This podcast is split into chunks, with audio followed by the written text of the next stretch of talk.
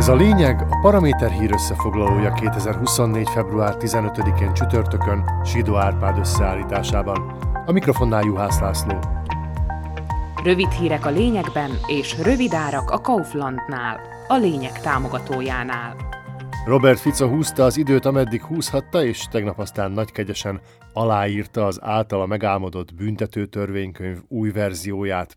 Azt, amelyik roppant jóindulatúan bánik a korrupción rajta kapottakkal, már csak azért is, mert eltörli a megvesztegetési botrányok üldözésére létrehozott speciális ügyészséget. Ám ez a szmeres jogszabály még azt is lehetővé teszi, hogy sokkal hamarabb évüljenek el a nemi erőszaktevők bűnei is, ami azért kész őrület. Ettől még a kormányfő odafirkantotta a reformcsomag dokumentumjára a névjegyét, és küldte is tovább az elnöki palotába, bár ezt megtehette volna jóval korábban is. Tehát a törvényt kritikus szemmel néző államfő csak mostantól szagolgathatja meg ezt a förmedvényt, amit legszívesebben a kukába dobna. Ám ahhoz az sem ártana, ha mondjuk az alkotmánybíróság is azt mondaná, hogy ez a jogszabály úgy se lejt, ahogy van. Valamiféle minőségbeli hiányosságot érez a miniszterelnök is, mert Zuzana Csaputovának külön is írt egy levelet, amiben tippeket ad az elnöknek arra vonatkozólag, mi az, amit tehetne. Fica alázatosan azt duruzsolja, hogy teljes mértékben tiszteletben tartja Csaputová alkotmányos jogát, hogy a törvényt majd visszautalja a parlamentnek a megjegyzéseivel együtt, mert amennyiben az államfő élne a vétó lehetőségével, kész konkrét módosításokat javasolni az erőszakos bűncselekmények elévülési idejével kapcsolatban. Szinte megható, mennyire segítőkész ez a szmeres politikus, főleg azt követően, hogy azt a büntetőjogi fércmunkát erőnek erejével keresztül nyomták a törvényhozáson. Most már Fico toldozgatná, foltozgatná ezt a törvényt, amit ha a köztársasági elnök a kormányfő által ajánlott megjegyzésekkel küldene vissza a Nemzeti Tanács elé, rábólintana a koalíciós csapat. Azaz javasolni fogja a saját képviselőinek, hogy ismételt szavazás esetén azonosuljanak a kiigazított reformcsomaggal. Amivel tehát szerda estétől kezdve foglalkozhatott Csaputová. Ő már most tudja, hogy pénteken mondja meg a tutit a törvénykönyvvel összefüggésben. Az elnök már átfuthatta Fica levelét is, mert határozott véleménye van róla. Annyira, hogy Kerek Perec leultimátumozta a kormányfő írományát, ami lényegében azt üzeni, hogy bár megvétózható az új szabálygyűjtemény, de nem akárhogyan, és annak is csupán az egyetlen része. Az ilyen szájbarágás nem fekszik Csaputovának, aki rögtön a törvénymódosítás múlt heti parlamenti jóváhagyása után jelezte, minden lehetőséget megfontol, hogy ez a módosítás ne léphessen működésbe, mert az rossz hír lenne Szlovákia minden lakosa számára. Így most folyik a harc az időért, mert a vérlázító törvény március közepén lépne hatályba, ha csak az alkotmánybíróság le nem állítja ezt az egészet.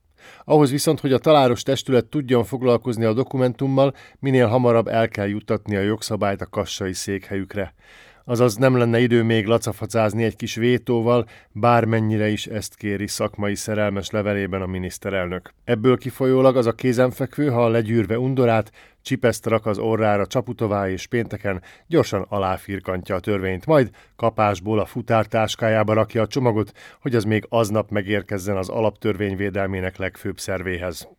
Ha ez a forgatókönyv érvényesül, akkor a bíráknak majdnem egy hónap áll rendelkezésükre, hogy beleköphessenek a Fico boszorkány konyhájában készült paragrafus katyvaszba.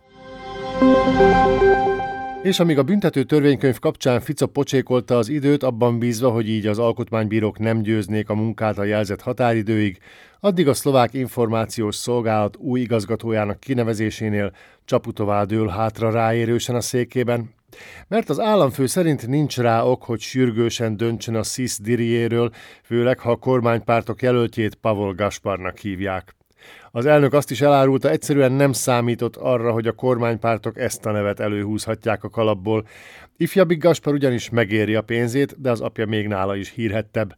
Ő szeptembertől az a szmeres képviselő, aki a tisztító tűz ügy miatt 2021-ben egy éven keresztül az előzetesben csücsült, mert még országos zsarukapitányként azzal gyanúsították, hogy a rendőrségen belül egy komplett bűnszervezetet hagyott kiépíteni.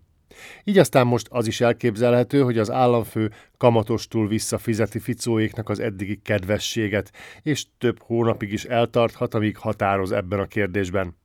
Az idő nem neki dolgozik, mert Csaputová megbizatási időszaka lassan véget ér, de addig is vígan lehet borsot törni Robert Ficóék orra alá, hadd prüszköljenek egy kicsit.